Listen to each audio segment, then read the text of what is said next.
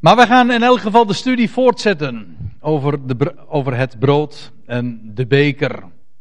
En we hebben vanmorgen, om eventjes nog het kort en helder neer te zetten, gehad over, daar zijn we mee aangevangen, met de zogenaamde instelling van het avondmaal, dat geen instelling van het avondmaal was, maar waarbij de Heer Jezus het paascha vierde. En dat hij zei over het brood, dit is mijn lichaam. Nou, daar hebben we wat meer over nagedacht in, uh, in, in het vervolg van de samenkomst. Want we zijn toen bij 1 Korinthe 11 terechtgekomen, waar Paulus ingaat op de gebruiken, op de misbruiken van de maaltijden die de Corinthiërs met elkaar hielden. En dan wijst hij en hen erop, terwijl zij bij elkaar kwamen, ook om, om maaltijd te houden, om brood eh, samen te eten en om wijn te drinken, dat dat brood en die eh, beker een betekenis hebben. En dat het brood verwijst, zoals de Heer Jezus dat hoogst persoonlijk aan de Heer heeft, aan Paulus heeft bekendgemaakt, dat dat ene brood, waarvan hij ooit tijdens, de, tijdens het Pesach heeft gezegd, dit is mijn lichaam, dat dat verwijst naar het lichaam van Christus, de gemeente. Nou, daar zijn we ongeveer blijven steken en toen moesten we het onderbreken voor de pauze. En we gaan nu gewoon de draad weer oppakken. Waar, waar we hem eh, losgelaten hadden in vers 24 van 1 Korinthe 11. Het is het enige hoofdstuk daar waar we informatie vinden over wat de betekenis is van brood en beker. En wat we ook daarbij gezien hebben, dat wil ik dan ook nog even gezegd hebben, dat het werkelijk om een, om een maaltijd ging. Niet om een rieten, maar om een maaltijd het enige, het enige rituele element, als je het zo wil noemen, is dat Paulus laat zien dat brood en beker een betekenis hebben, een heerlijke betekenis. Zoals we dat vanmorgen al hebben overwogen, een heerlijke betekenis hebben. Maar ja, dat is op zich helemaal niet zo gek. Nou, dat maakt het niet tot een, een rite of een bepaald, uh, of een sacrament, zoals dat zowel in de Rooms-Katholieke kerk of in de protestantse kerkgemeenschappen trouwens ook beleden wordt. Het avondmaal is een sacrament. Nee, het is een maaltijd waarbij brood en beker een betekenis hebben en verwijzen naar het ene lichaam van Christus, de gemeente. En over de beker zullen we het nog hebben. Sterker, daar gaan we het nu over hebben. Want Paulus gaat verder met zijn uitleg. Hij, hij had van de Heer zelf dat ontvangen over de, over de betekenis van het brood dat het verwijst naar het lichaam van Christus, de gemeente. En dan zegt hij van ja, en evenzo ook de beker nadat de maaltijd afgelopen was. Letterlijk staat er gewoon de beker na de maaltijd. Strikt genomen betekent dat dus dat de beker geen deel uitmaakt van de maaltijd. Hm? Brood en beker. De beker na de maaltijd. En hij zeide, ook nu grijpt je, uh, Paulus weer terug op dat wat uh, Jezus ooit in de nacht van voordat hij werd overgeleverd had doorgegeven, had uitgesproken, had uitgelegd ook. En toen had hij gezegd: deze beker is het nieuwe verbond, is, dat wil zeggen, nou dat heb ik eh, ook al vanmorgen even kort aangestipt. Het representeert, het verwijst naar, het is, het stelt voor het nieuwe verbond in mijn bloed. En Doe dit zo dikwijls gij die drinkt tot mijn gedachtenis. En Paulus zegt van, als je, als je wijn drinkt, als je de beker, eh, zoals we dat doen, hè. We eten, bij, we eten met elkaar, Paulus stelt het gewoon vast. Niet als iets wat ze moesten doen, maar gewoon als iets wat ze deden. Men hield maaltijd, men dronk de beker. Maar Paulus zegt van, weet je wat de betekenis daarvan is? Zoals ik het zelfs hoogst persoonlijk van de Heer heb vernomen in verband met het lichaam, de gemeente. Maar ook over die beker. Hij zegt, dat is een, die wijn, want dat is wat er in die beker zit, de vrucht van de wijnstok, nietwaar? Hij zegt, dat stelt het nieuwe verbond voor. Dat God straks met Israël gaat sluiten. Dat nieuwe verbond wordt niet met de gemeente gesloten. Heb ik nooit in de Bijbel gelezen. Het nieuwe verbond wordt met hetzelfde volk gesloten als waar God het oude verbond ooit mee gesloten had. Nou, als je niet geloven wil, nou dan moet je dat maar eens een keertje nalezen in Jeremia 31. Daar staat het gewoon zwart op wit. Zie de dagen komen dat ik met het huis van Israël en het huis van Juda een nieuw verbond zal sluiten. Niet zoals, ja, nou moet ik het uit mijn hoofd gaan citeren, dan ga ik fouten maken, maar niet zoals het verbond ooit toen ik hen uit Egypteland uitleidde en de wet oplegde, want dat, dat heeft het volk niet kunnen houden. Nee, hij gaat een nieuw verbond sluiten. En weet u wat het mooie van het nieuwe verbond is? Het schitterende van het nieuwe verbond. Er wordt niks meer aan het volk opgelegd. Er wordt ook niks van het volk verwacht. God zelf realiseert dat wat hij ervan verwacht. Zodat het volstrekt eenzijdig, de, de verplichtingen zijn volstrekt eenzijdig, zo moet ik het zeggen. De Heer spreekt tot zeven keer toe in, dit gedeelte van Jeremia 31. Ik zal hun zonde geen zins gedenken. Ik zal mijn wetten in hun harten schrijven, zodat ze niet meer het moeten doen als een last, maar ze willen het doen van harte. Ze doen dat gewoon omdat dat in hun hart ingegeven is. Letterlijk. Omdat het hun, hart hen dat ingeeft en de Heer dat er ingelegd heeft. Zo zal het in de toekomst gaan met Israël. En het nieuwe verbond is feitelijk daarmee ook, ja, niet alleen, gaat niet alleen maar over dat wat God met Israël straks gaat doen, maar feitelijk staat het ook voor ja, de belofte die God ooit al aan Abraham had gegeven. Dat was ook zo'n eenzijdige aangelegenheid. Waarbij God ook had gesproken van ik zal, ik zal. En totaal niets werd daarbij van de mens verwacht. En feitelijk is dat ook de genade waarin wij wandelen. Want weliswaar wordt het nieuwe verbond niet met ons gesloten. Zo vind ik dat nergens in de Bijbel. Trouwens, verbonden worden in de Bijbel altijd gesloten. Niet met individuen. Maar altijd met geslachten, met volkeren. Kijk het maar na.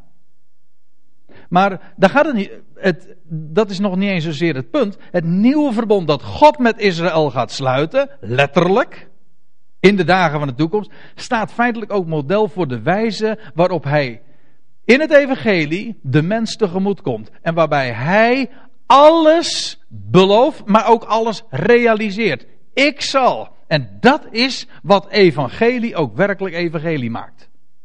Een goed bericht. We, het is een aankondiging. Wat is, dat is wat een bericht is. En waarom is het goed? Wel omdat God belooft zulke overtreffende dingen, zulke heerlijke dingen voor ons die nu geloven, die dat nu al mogen zien. Heeft hij trouwens ook onze, onze ogen voor geopend, onze oren voor geopend, ons hart voor geopend. Niets is daarbij van onszelf. En het is een woord dat hij spreekt over zijn, heel zijn schepping. Dat hij niet verlaat het werk van zijn handen. En dat hij de redder is van alle mensen. Dat is echt goed bericht. Maar ook wat hij vandaag in ons leven doet. En dat hij voor ons zorgt. Dat hij voorziet in onze behoeften. En dat hij vandaag ons in een sterfelijke wereld richt op hemzelf. Dat nieuwe leven. Dat sterker is dan de dood. Dat, daar, daar spreekt brood van. En zo, nou ja, ik nee, dat zal ik straks nog even zeggen. Maar ik wilde nu alleen, uh, nu alvast eventjes opwijzen dat er dus staat van, ja, die beker dat is het nieuwe verbond. Het stelt het nieuwe verbond voor dat God ooit al aan, in de dagen van Jeremia had beloofd. En waarbij hij dus volledig de verantwoordelijkheid bij zichzelf neerlegt. Ik zal, ik zal. Geweldig. Dat, weet je wat mooi, het, het, het schitterende daarvan is? Daar kan dus ook nooit iets mee misgaan. Want zodra iets aan de mens wordt toevertrouwd, dan verpest hij het. Als ik het even zo grof mag zeggen. Altijd is, zodra er iets van de mens weer bij zit, dan, dat is dat wat de Bijbel zuurdezem noemt. Dat is zuur. Dat, dat, dat heeft, uh, dat u weet hè, zo gaat het met zuur. Dat, heeft, dat betekent als iets zuur is, dan is de, de houdbaarheidsdatum verlopen. Nou, dat is dat wat niet goed blijft. Dat is wat de mens is. Kan misschien wel even uh, zo zo'n goede dingen eraan aan bijdragen. Dat heeft dan de schijn. Maar als het er helemaal op aankomt, is precies wat Jezus ooit had al gesproken. Die harde reden. Toen had hij gezegd: Het vlees doet geen nut. Dat is heel zwart-wit, maar het is wel de waarheid. Het vlees doet geen nut. En daarom zegt God: Ik ga het doen. Maar dan ook volledig. Maar dat is waarom mensen zo gemakkelijk struikelen over dat evangelie.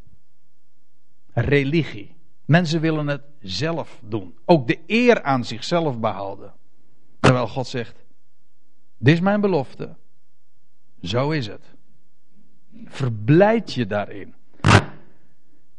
En daarom is die beker ook, daar zit er wijn in. Dat is niet voor niks. Wijn is een embleem. Ik bedoel, daar hoef je helemaal geen gelovige voor te zijn of uh, speciaal bijbelstudie voor te hebben gevolgd. Iedereen weet dat wijn spreekt van, van vreugde. Het is geestrijk vocht. Hè? Dat, die alcohol, dat is, dat is wat, wat een mens blij en vrolijk maakt. Moet je niet te veel van nemen natuurlijk.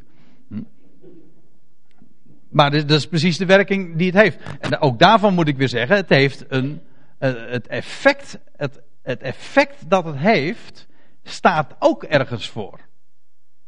Ik kom, kom er straks nog even op terug. Maar ik wil nu even erop wijzen dat, dat hij nog zegt, mijn bloed. Uh, hij zei de, de heer Jezus zei dat ooit, toen bij dat paascha dat hij vierde. Hij zei, deze beker, dat is het nieuwe verbond, in mijn bloed. En bloed verwijst in de Bijbel, nogal logisch, naar het slachtoffer. Immers, eh, eigenlijk is het woord slachtoffer wel mooi, ook zoals wij het gebruiken in het Nederlands. Hoewel wij bij slachtoffer altijd denken aan dood. Dat klopt trouwens wel hoor. Want een slachtoffer is een offer dat geslacht wordt. Maar nou ga ik het even ingewikkeld maken. Ja, voor zover dat mag, hè, kwart over net na de lunch. U laat uw eten zakken. Maar als een slachtoffer alleen maar geslacht wordt, dan is het geen slachtoffer. Nee, dan is geslacht. Het eigenlijke offer moet dan nog plaatsvinden. Dat ontgaat zoveel mensen. Want als je nou praat over, um, over bepaalde ideeën die christenen hebben. Hè, over, over de offerdienst. En we weten allemaal van de Heer Jezus Christus. Als, als, als je een christen bent, dan weet je van alle, al die offers in het Oude Testament. die verwijzen allemaal naar de Heer Jezus Christus. Dat is waar. En dan, zeg, en dan vragen, zeggen mensen. Ja, al die offers die verwijzen allemaal naar het kruis van Golgotha. En dan zeg ik dat is half goed. En eigenlijk is het daarmee dus niet goed. Als het half goed is, Hm? Dus je, dat, is, net zoiets dat je bijna geslaagd bent. Hm? Dan ben je gezakt, ja. Nou, dat, is met dit half goed ook. Want het slachtoffer, dan denken we inderdaad aan de Heer Jezus Christus. Dan denken we aan zijn slachting. Maar dat is niet het offer. Het offer, kijk, dit is de slachting. Als, als, het, als dat dier gedood wordt en het, en het geeft zijn bloed. Dat is de slachting. Maar het offer vindt daarna plaats, wanneer het vervolgens namelijk op de verhoging gelegd wordt en als het opstijgt, goden tot een liefelijke reuk. En het, het, het verbaast mij altijd dat dit 99% van de christenen, als niet meer is, compleet ontgaat. Want ze denken aan bij het offer aan, aan Golgotha. Terwijl de Bijbel spreekt over, terwijl je zou moeten weten dat het slachtoffer te maken heeft met een dier dat geslacht wordt. Om juist doordat het geslacht is en na, nadat het geslacht is, te worden tot een offer. Nadat het op de verhoging is gelegd en nadat het opstijgt God tot God. En dat is de liefelijke reuk. Dat is niet de dood. De dood is niet de liefelijke reuk. Niet Golgotha.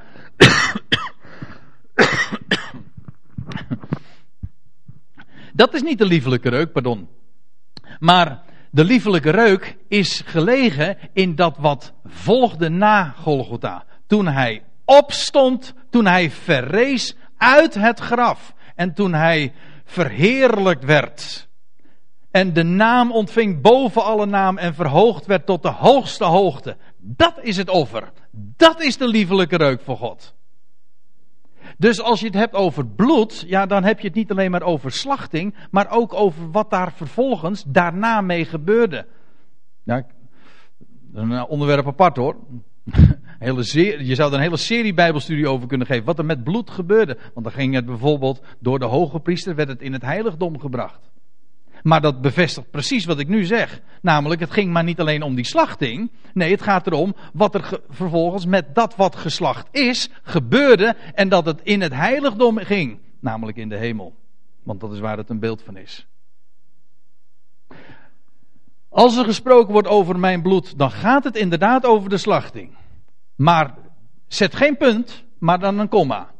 Om, het werd geslacht, om vervolgens verhoogd te worden en zo tot een offer te worden. Dat is de liefelijke reuk.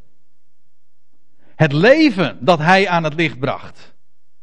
En het nieuwe verbond en alles waar het een embleem van is, dat juist daardoor gerealiseerd is. Hij is verrezen uit het graf. Hij is de levende Messias. Hij is het die het gaat realiseren straks in verband met Israël en het tot nieuw leven zal brengen. En een zegenkanaal gaat maken voor heel de volkerenwereld. Maar die ook vandaag zijn werk aan ons doet. Hij is ons hoofd. Wij zijn zijn lichaam. Hij zorgt voor ons. Hij geeft ons voedsel. Hij is die leven, hij is gestorven, maar wat meer is, de opgewekte. Nou, daar spreekt dat bloed van. Mijn bloed. En dan zegt Paulus er nog achteraan in vers 26. Uh, ja, nou eigenlijk moet ik er nog dit aan toevoegen. Doet dit, zo dikwijls gij die drinkt, tot mijn gedachtenis. Want zo dikwijls gij dit brood eet en de beker drinkt, en dat betekent gewoon, zo vaak we maar brood eten. En de vrucht van de wijnstok drinken. En daarbij aan hem denken. Want daar gaat het over. Niet als een ritueel van één stukje brood. Nee, zo, wanneer je maar brood eet. En zeker wanneer je bij elkaar bent als gelovigen en de eenheid beleeft. En als, het, als je het glas, en glas of de, voor mij de beker heft. De beker is nog mooier hoor. Nog een mooiere symboliek, zullen we maar zeggen. Wel, zo dikwijls, zo vaak als je maar wil. Denk aan Hem. Want daar spreekt dat van. Trouwens, heel de natuur spreekt van Hem. Maar wat is er nou, is, wat is nou mooier dan wanneer je zoiets alledaags doet? Trouwens, ik moet er ineens aan denken dat Paulus aan het einde van 1 Korinthe 10, dus dat is in dezezelfde omgeving, nog had gezegd. Hij zegt, of je nou eet of drinkt of wat dan ook doet, doet het alles tot heerlijkheid Gods. En weet je wat het mooie daarvan is? Dan krijgt alles in je leven, zelfs het meest alledaagse. Dan eet je een stuk brood, hè, of je drinkt een glas wijn, en je denkt aan hem, aan, aan de grote overwinnaar. En dan krijgt alles waarde zo'n enorme rijke betekenis. Dan ben je rijk. Iemand die, wat is, ja, wat is zo mooi als je rijk bent? Nou, dat betekent, als je rijk bent, dan, dan heb je veel vermogen. Dan, alle, dan laat je je omgeven door veel rijkdom. Dan heeft alles wat je, ja, dan, alles wat je hebt, dat, dat, dat spreekt van, van, van, van rijkdom en dat, dat etaleert waarde. Nou, dat is precies ons leven. Dat is wat ons leven mag zijn. Namelijk, alles wat we zien en wat we doen, heeft zoveel waarde omdat het verwijst naar Heer Lukheid. Nou, dan heb je een rijk leven. Al heb je geen rode rotcent. Dat is nog het allermooiste. Hm? En ik denk, eh, weet je wat ik, ik denk aan een Engels, Engels gezegde. All things, nee, the best, nee, zo was die. The best things in life are free. En dat is zo. De beste dingen in het leven, waar het werkelijk om gaat, daar daar kun je niet betalen. Dat is onbetaalbaar, ja. Niet alleen maar zo duur, maar eigenlijk ook zo gratis. Ja, beide is waar. Het is heel duur, dat wil zeggen zo enorm waardevol. Dat kan je niet betalen, maar het is daarom ook gratis. Wordt je geen gegeven. En wij, laten we wel wezen, leven zo vaak beneden onze stand. Een armoedig leven. Terwijl het zo, een, hier al, hier op aarde, zo'n enorme rijkdom heeft. En dat je je daarvan bewust mag zijn. Dat is juist ook de waarde van het samen zijn en het samen eten. En daarvan, nou daar spreekt Paulus zo dikwijls. Zo dikwijls je dit brood eet en de beker drinkt. Hoezo dit brood? Nou gewoon op het moment dat je dat brood eet met de gedachte daarbij aan hem. Verkondigt gij de dood des Heren totdat hij komt. Ja. Hoezo de dood des Heren? Wat is, er, wat is er zo bijzonder aan de dood des Heren? Nou, ik heb het hier meteen maar bijgezet. Het bijzondere van de dood des Heren is dat die dood overwonnen is. We, verkondigen daarmee niet het sterven van de Heer. Nee, we verkondigen zijn dood. Het, eigenlijk is het zo dat, dat, die, dat die emblemen van, van brood en van beker, de vrucht van de wijnstok, ze verwijzen naar de graftuin. Naar het graf van de Heer Jezus. Maar, maar wat, wat is er zo bijzonder aan dat, aan in die graftuin? Nou, dat die steen is weggewenteld. We denken aan, we denken aan brood en, en beker. Dan denken we niet aan een stervende Heer. We denken aan iemand die, gest, nee, die gestorven is. Ik kan het nog anders zeggen. Aan iemand die dood geweest is. En die juist omdat hij dood geweest is, nu Heer is. Want hoe, hoe was het ook alweer? Wat zei Petrus ooit op het, op het tempelplein? Dat deze Jezus die jullie hebben gekruisigd, zegt Petrus dan tegen, tegen zijn volksgenoten, die heeft God, door zijn opstanding, tot Here en tot Christus, Messias, Messias gemaakt. Hoe is hij Heer? Wel, hij is juist Heer krachtens zijn opstanding uit de doden. Dus je verkondigt de dood des Heren, dat wil zeggen je verkondigt de dood van hem die nu leeft. Dus oftewel, je verkondigt hem die dood geweest is. Hij overwon de dood. Dat is wat je verkondigt. Als je, daar, als je daar weet van hebt, als je daaraan denkt, als je dat ook uitspreekt. Dat is zo heerlijk als je daarom ook je, we danken voor het eten, want we leven toch uit genade. En wat zeg je dan? Dank u wel. Mogen, mogen we in alles zeggen. Want hij leidt ons leven, hij geeft wat we nodig hebben. En dan zeg je dank u wel, Heer. En dan, en dan heb je brood. En eh, dan eet je, of dan eet je brood, je drinkt wijn en je zegt dank u wel, Heer. Want het spreekt van u, van de overwinning die u behaald hebt. Ik vind het trouwens wel mooi dat het dan ook nog een beker is. Want we weten ook allemaal natuurlijk dat een beker spreekt van. Ja. Nou, moet je maar eens een keertje aan de sporten vragen. Hè? Dat gaat toch allemaal om de beker? Ze willen toch allemaal de beker? Ja, dat is een overwinningstrofee. De beker. Het spreekt van overwinning. Het is ook niet. Ja, of je kan de beker, hè, spreekt van overwinning. Je kan ook het glas heffen. Maar het is, ook dezelfde gedachte. Iets hoog houden. En dan zeggen we. In Amsterdam zeggen ze dan. Daar ga je. Maar dat, daar, ga je, maar dat is, dat is gewoon verbasterd. Maar het komt van legaim. Ja, op het leven. Op het leven, want daar spreekt die wijn van.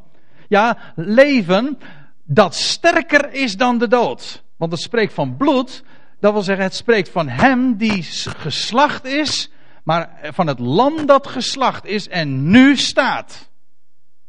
Je moet wel compleet zeggen, als het namelijk, ik zeg het nog eens, als het maar half zegt, dan is het mooi fout. Ja, ik, ik ben nou wat strenger dan zojuist, dat geef ik toe. Het spreekt van hem die overwonnen heeft. Ja, de, de beker. Ja. Zowel dat brood, ja, dat, is, dat zijn prachtige onderwerpen om, om die wat uitgebreider te, te belichten. En de, de typologie in, in de natuur en hoe brood uh, gebakken wordt. Dat hele proces wat, er, wat daar plaatsvindt. En hoe alvorens het we als levensmiddel, denk aan het woord, tot ons nemen. Brood des levens. Brood spreekt van leven. Een mens zal eet, leeft niet van brood alleen, maar dat waar het een beeld van is, namelijk van alle woord dat de mond Gods uitgaat. Maar wat dacht u van dit woord, wat ik hier eh, geprojecteerd, wat u hier geprojecteerd ziet? Johannes 12, dat de Heer Jezus zegt. Hij zegt, voorwaar, voorwaar. Amen, amen, het Grieks.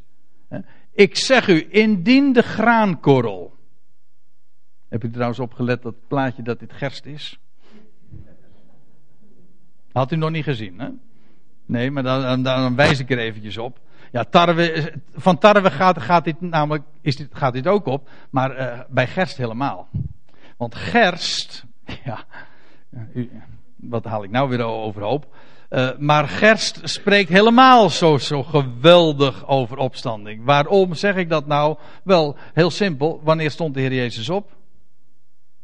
Op de dag van de eerstelingsscharven. Maar ik kan, u, ik kan het nu niet toelichten en zeker niet bewijzen. Maar kan het u wel alvast eventjes meegeven. Het is de dag van de eerstelingsscharven. Namelijk de eersteling van de gerstenoogst. De Heer Jezus stond op op de dag dat officieel de gerstenoogst aanving. Die dag, de eersteling. Diezelfde, het was in dezelfde tijd dat, uh, dat, dat Rut op het veld van Boas ook kwam. Het begin van de gerstenoogst. Nou ja, nee, ik, uh, ik, ik, uh, ik geloof dat ik er toch maar beter aan doe om dat nu eventjes te laten voor wat het is. Dit is de tarwekorrel. Dan laten we het gewoon even over de tarwekorrel hebben. Indien die tarwekorrel niet in de aarde valt en sterft, blijft ze op zichzelf. Maar indien zij sterft, brengt zij veel vrucht voort. Dat, hier vind je het. Die tarwekorrel die valt in de aarde, ze sterft in type, in symboliek. Blijft er niks van over, ja, maar het komt in nieuw leven, vermenigvuldigend, komt het weer boven. Hè? Stijgt het op. Nieuw leven. En verstrekt het brood. In nog veel overvloediger mate. Het sterft als een, als een één enkele tarwekorrel, maar in veelheid komt het vervolgens weer op. Dood en opstanding. Daar spreekt brood van. Ik weet niet of u daar vaak aan denkt als u brood tot u neemt. Kijk, als je honger hebt, dan denk je daar meestal niet aan. Daarom zegt Paulus ook van, als je nou bij elkaar komt, uh, zorg er dan in ieder geval voor dat je niet, geen honger hebt, zodat je, zodat je echt bepaald wordt bij waar het werkelijk eh, een beeld van is. Zo vaak je maar kan. Denk daaraan, waar brood van spreekt. Maar dat geldt trouwens voor wijn ook hoor. Schitterend onderwerp. Ik heb er ooit eens een keertje een hele avond aan gewijd. Over, over dat hele proces, over de, druiven die geplukt worden, maar vervolgens ook uh, dan geperst worden. Dat zijn allemaal van die prachtige symbolen. En ik ben helemaal geen kenner. Geen, ja, ik ben geen wijnkenner, maar ik ben ook helemaal geen, geen, geen expert over, als het gaat over hoe dat precies in zijn werk gaat. Maar ik weet wel dat het in, uiteindelijk, als het als dan geperst is, de, de, de wijnpersbak getreden is. Dat spreekt trouwens ook van, slag, van de slachting. Maar dan komt het vervolgens onder de aarde terecht. In een kelder, in eikenhouten vaten. Waarom nou eiken? Nou, het betekent verder niks hoor, maar. Zou. Nou, dat, ik kan u wel zeggen, het heeft iets te maken nog weer met de belofte, met de eed die God heeft gezworen aan Abraham. Als ik het op het Hebreeuws zou zeggen, zou u het meteen begrijpen, want het woord eed is in het Hebreeuws Allah, maar het is hetzelfde woord als voor eik. De belofte. Hetzelfde woord. Vandaar ook dat God toen het teken van de besnijdenis gaf, waarbij ook de, het, de vrucht van de eik zichtbaar gemaakt wordt. Eventjes uh, heel plastisch, nee niet plastisch gezegd, even heel uh, aanschouwelijk. Nee, uh, nou in ieder geval Ja, nou ga ik, nou ga ik struikel over me worden. Nou ja, hoe dan ook, dat heeft allemaal met de eik te maken. Eikenbomen van de gerechtigheid, van, de, van Gods trouw. Maar het komt, daar gaat het me nu even om. Het komt onder de aarde terecht. Het, in een graf komt het eigenlijk. En daar vindt dat wonderlijke proces plaats dat het geestrijk vacht, uh, druivensap wordt geestrijk. En dan komt het vervolgens uit dat graf, uit de kelder, en dan is het wijn. En dan zeggen we op het leven. Daar spreekt wijn van. Ja, ook daar denken we, de, de, nee, laten we wel wezen, 99% van de mensen denken daar niet aan. Ook, ook al ben je een wijnkenner, wil dat niet zeggen dat je weet waar, wijns van, waar het werkelijk van spreekt. Ik denk wel eens een keertje, dat verreweg de meeste wijnkenners geen idee hebben waar wijn werkelijk van spreekt. En waar het een beeld van is. En van de overwinning op de dood. Van leven. We zeggen dat niet voor niks. Op het leven. De beker, de overwinning. Vandaar ook, drink uw wijn met een vrolijk hart. Geniet ervan. Wees je ervan bewust wie onze Heer is. En dat leven dat hij aan het licht bracht aan het begin van de gerstenoog, zal ik maar zeggen. Toen hij uit de kelder kwam. Dat leven, dat, dat, dat kennen wij nu al. Maar er komt een moment dat de hele schepping van dat leven vervuld zal zijn. Want hij is de eersteling, maar de hele oogst moet feitelijk nog volgen. En heel het mensdom zal dat leven dat hij aan het licht bracht, zal dat leven ontvangen. Zoals in Adam alle sterven, zo zullen in Christus alle levend gemaakt worden. Zoals de eersteling, de grote overwinnaar. Nou, daar spreekt Boot en Beker van. En zo dikwijls we dat brood, maar brood eten, zeker als we bij elkaar zijn en als we wijn drinken, denken we daaraan. Ja, ik moet verder. Uh, ja, totdat hij komt. Hè. Precies, want die, die, die symbolen die zijn, zo, zijn zo prachtig om daar telkens weer gewoon zichtbaar aan herinnerd te worden. Eh, het zijn typen uh, om daaraan herinnerd worden tot het moment dat we de levende Heer hoogstpersoonlijk zullen zien van oog tot oog. En tot die tijd uh, herinneren zulke symbolen ons aan, aan de rijkdom die we kennen in Hem. En nou gaat Paulus nog voort. Hij zegt, wie dus op onwaardige wijze, en wat was die onwaardige wijze? Ja, ik, we hadden het vanmorgen al even over hoe dat meestal wordt uitgelegd. Dat onwaardig eten.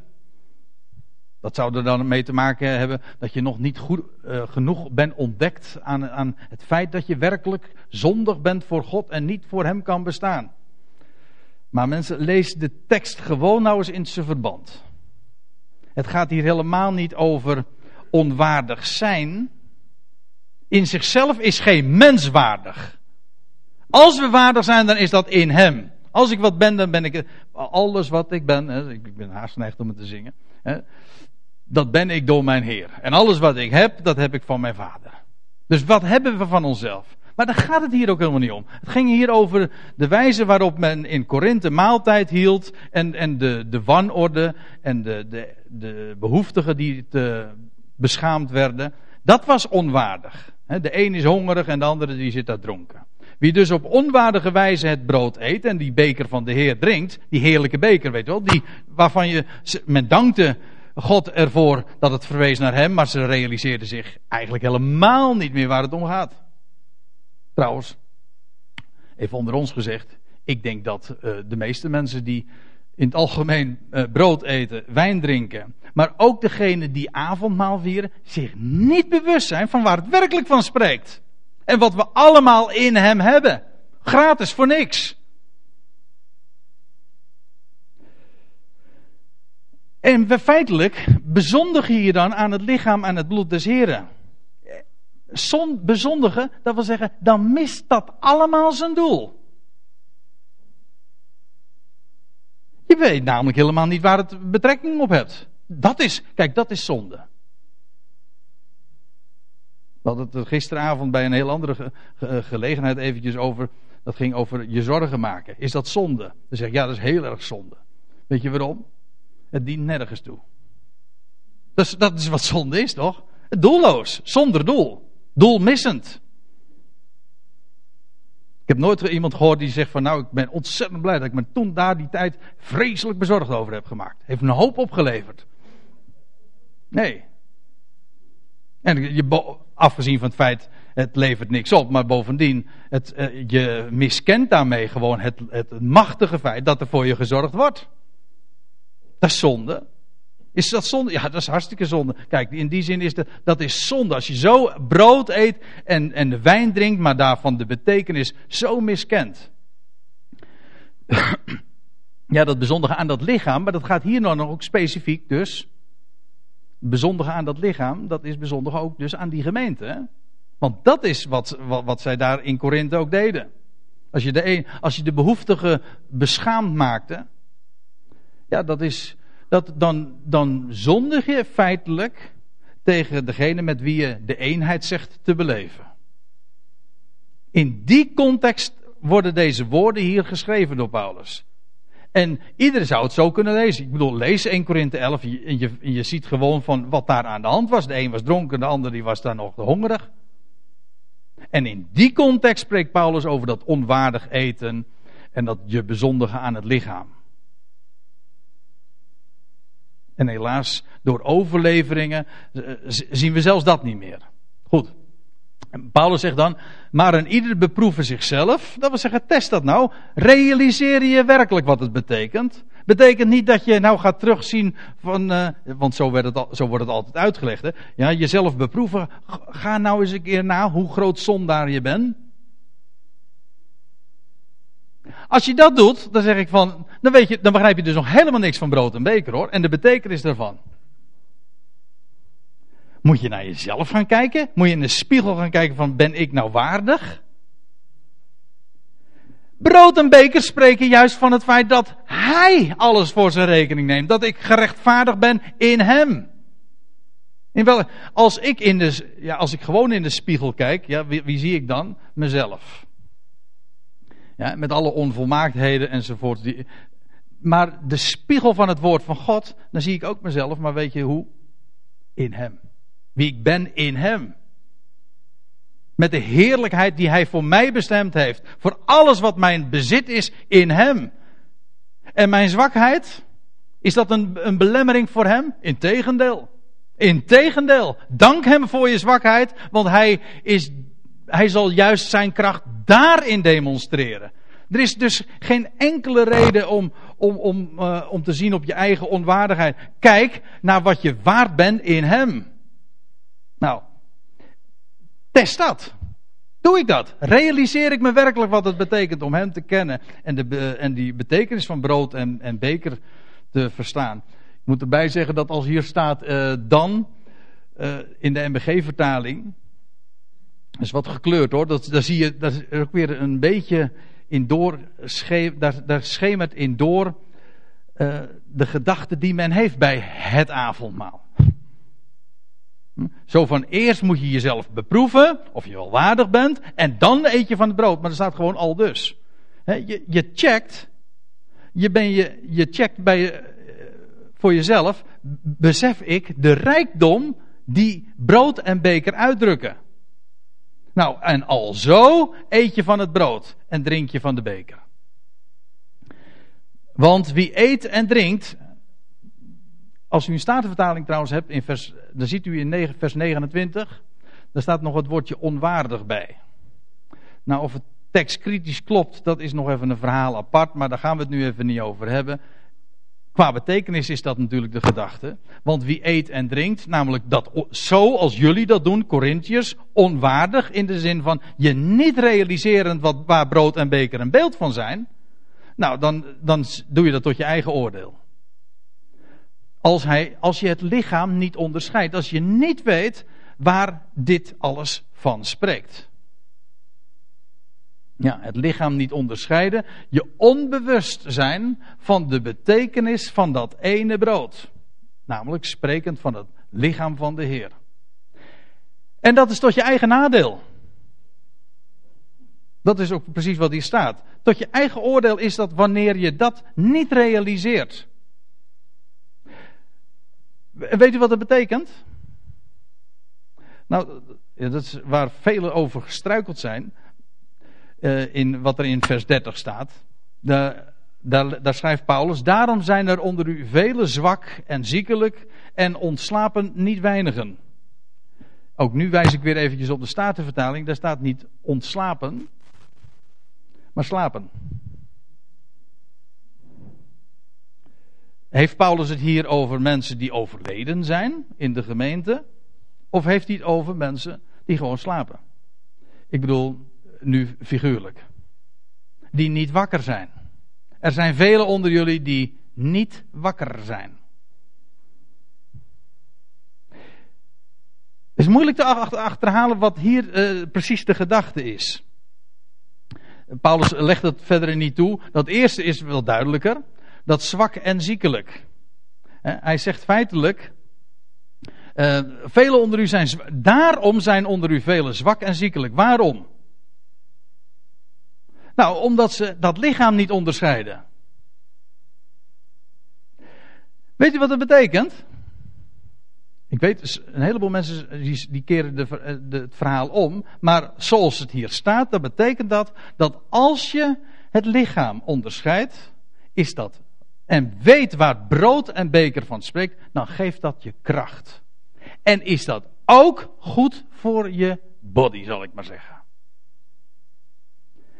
Nogmaals, dan moet je niet omkeren. Dan moet je niet zeggen van, oh dat betekent dus dat als je zwak bent, of als je ziekelijk bent, of als je iets mankeert, dat betekent dat ik het lichaam niet onder. Dat staat er niet. Het, staat, het wordt hier zo geformuleerd, omdat Paulus zegt dat daar in Korinthe. Hij zegt: Jullie weten niet waar brood en beker werkelijk voor staan. Hij zegt: Daardoor zijn velen van jullie zwak. Missen ze de kracht. En is zoveel, zijn er zoveel klachten, ook mentaal vaak. Als mensen zich werkelijk bewust zouden zijn van, van de enorme betekenis en rijkdom van, van de, van, van brood en beker, waar het voor staat, de rijkdom van het woord kennen, het lichaam van Christus onderscheiden, wat we in Hem hebben, dan is dat zo'n enorme power in je leven. Maar eh, is het nog net zo waar als in de dagen dat Salomo dit optekende? Dat staat ergens in Spreuken 15. Uh, eh, is het Spreuken 15? Nee, Spreuken 17. Daar staat. Een blij hart is genezing voor het gebeente. Er is, er is geen factor die zo een enorme invloed heeft op je gezondheid, op je welbevinden, als juist blijdschap. Als je Hem kent en de vreugde daarvan smaakt, dan is dat geen garantie dat je dus een gezonde body hebt, maar het is de belangrijkste factor voor een goede gezondheid. Je zegt van je moet elke dag een appel eten, dat is erg gezond, dat is waar. Maar, maar eh, ja, er wordt over gezondheid natuurlijk heel veel uh, gekakeld. Maar laat, het allerbelangrijkste voor gezondheid, dat is inderdaad vreugde. Hem te kennen, daarmee dus. Als je de overwinning op de dood kent, als je werkelijk een goed bericht hebt en kent, daaruit leeft, dan heb je een gezegend leven hebben. Wel, het werd in uh, Korinthe zoveel gemist. Er, men leefde zo onder een stand. En Paulus zegt, ja, daarom zijn er onder jullie zoveel zwak en ziekelijk. Onnodig. Dat had helemaal niet nodig geweest. Als jullie werkelijk de rijkdom zouden realiseren die je hebt in hem, in Christus, dan zou, zou dat er niet zijn. Hij zegt, daarom zijn er onder jullie velen zwak en ziekelijk en slapen niet weinigen. Ik klauw het even op dat laatste. Slapen niet weinigen. Dat wil zeggen, velen onder jullie zijn totaal niet wakker. Weten niet waar het om gaat. Waren ze daardoor minder, uh, waren ze daar, uh, ik bedoel, waren, waren ze daardoor minder gelovigen of zo? Nee, natuurlijk niet, daar gaat het niet om. Maar ze misten zoveel rijkdom. Indien wij onszelf echter beoordeelden, dat wil zeggen beproefden, als we ons werkelijk zouden realiseren waar we mee bezig zijn, met, waar, het een betekenis, waar het naar verwijst, dan zouden wij niet onder dit oordeel komen. Ja? Dat oordeel, waar ging het over? Wel, dan zouden, we, dan zouden, niet velen, dan zouden lang niet zoveel zwak en ziekelijk zijn. Integendeel, dan zouden we de kracht juist van zijn woord en, uh, kennen en beleven. Zo brengt Paulus dat uh, hier naar voren. En ik denk dat dat op zich universele principes zijn. Aan de ene kant wat we lezen van een blij hart dat is genezing voor het gebeente. Of nee, het is een medicijn. Het is niet genezing, het is medicijn voor het gebeente. Er staat trouwens ook bij dat een bedroefde, nee, een neerslachtige geest het gebeente doet verdorren. Heeft die, psychosomatische klachten. Ach, Connie, je zou zo eventjes naar eh, voren kunnen komen. Ja, dat is een dokter. Wat zeg ik, eh, assistenten. Er zitten hier wel meer mensen misschien die, die daar verstand van hebben. Maar over, over de verwantschap tussen ziel en lichaam, psycho, psyche en, en het somatische. Hè. Daar zit, er is, is zoveel eenheid. En daarom, het is zo belangrijk. Dat kunnen we nauwelijks overschatten. De, de waarde van het kennen van Hem en het leven elke dag uit die rijkdom. Dat is kracht, dat is vreugde. En als we dat niet kennen, ja, dan zal het gevolg ook zijn dat we, dat we zwak worden. En met als gevolg ook wellicht dat we ziekelijk worden. Maar onder vers 32, onder het oordeel van de Heer, en waar had hij het over? Nou, over de, die zwakte en het, alles wat daar weer van het gevolg is, worden wij getuchtigd. Weet u wat er letterlijk staat in het Grieks? Daar staat het woordje paiduio en dat, daar herkennen wij het woordje pedagogiek nog in. Opvoeden. Daar worden we door opgevoed. Paulus, Paulus zegt gewoon tegen de Corinthiërs, doordat dat nu de gang van zaken is. Hij zegt, maak je, maak je geen zorgen hoor. Hij zegt, want we daardoor voedt de Heer ons gewoon op. Maakt hij jullie dingen duidelijk. Jullie zijn zwak, ziekelijk. Hij zegt, hij wijst erop, dat is helemaal niet nodig. Als je werkelijk de betekenis zou kennen van, van brood en beker, hè, dan zou veel meer die kracht en de gezondmakende werking daarvan ook ervaren worden in je leven. Opdat wij niet met die wereld veroordeeld worden. Dat was, want weet je wat het is? De wereld, kijk, die kent niet die zegen van brood en beker. Ik bedoel, weten niet waar het werkelijk van spreekt. Die zijn veroordeeld tot het niet kennen daarvan en met als gevolg daarvan ook niet de zegen daarvan te kennen en te beleven. En daarom zegt Paulus in vers 33, uh, daarom mijn broeders, als jullie samenkomen om te eten, let op hè, als jullie samenkomen niet om met elkaar een, een stukje brood of één slokje wijn te drinken, zeg ik daarmee dat dat niet mag? Nee, natuurlijk niet, daar gaat het niet om. Maar ik vertel u alleen, hoe het in Korinthe ging. Men kwam samen om te eten. En dat laat Paulus gewoon intact. Als jullie nou samenkomen komen om te eten, prima, hartstikke mooi. Realiseer je wat de rijkdom daarvan is. Hij zegt maar wachten op elkaar. Wacht dan op elkaar. Geef elkaar gewoon daarin de ruimte. Zoals, zoals je mag verwachten eh, van mensen die de betekenis weten van dat wat, wat, wat ze doen, namelijk brood van brood en beker. Daarom, mijn broeders, als jullie samenkomen om te eten, wacht op elkaar.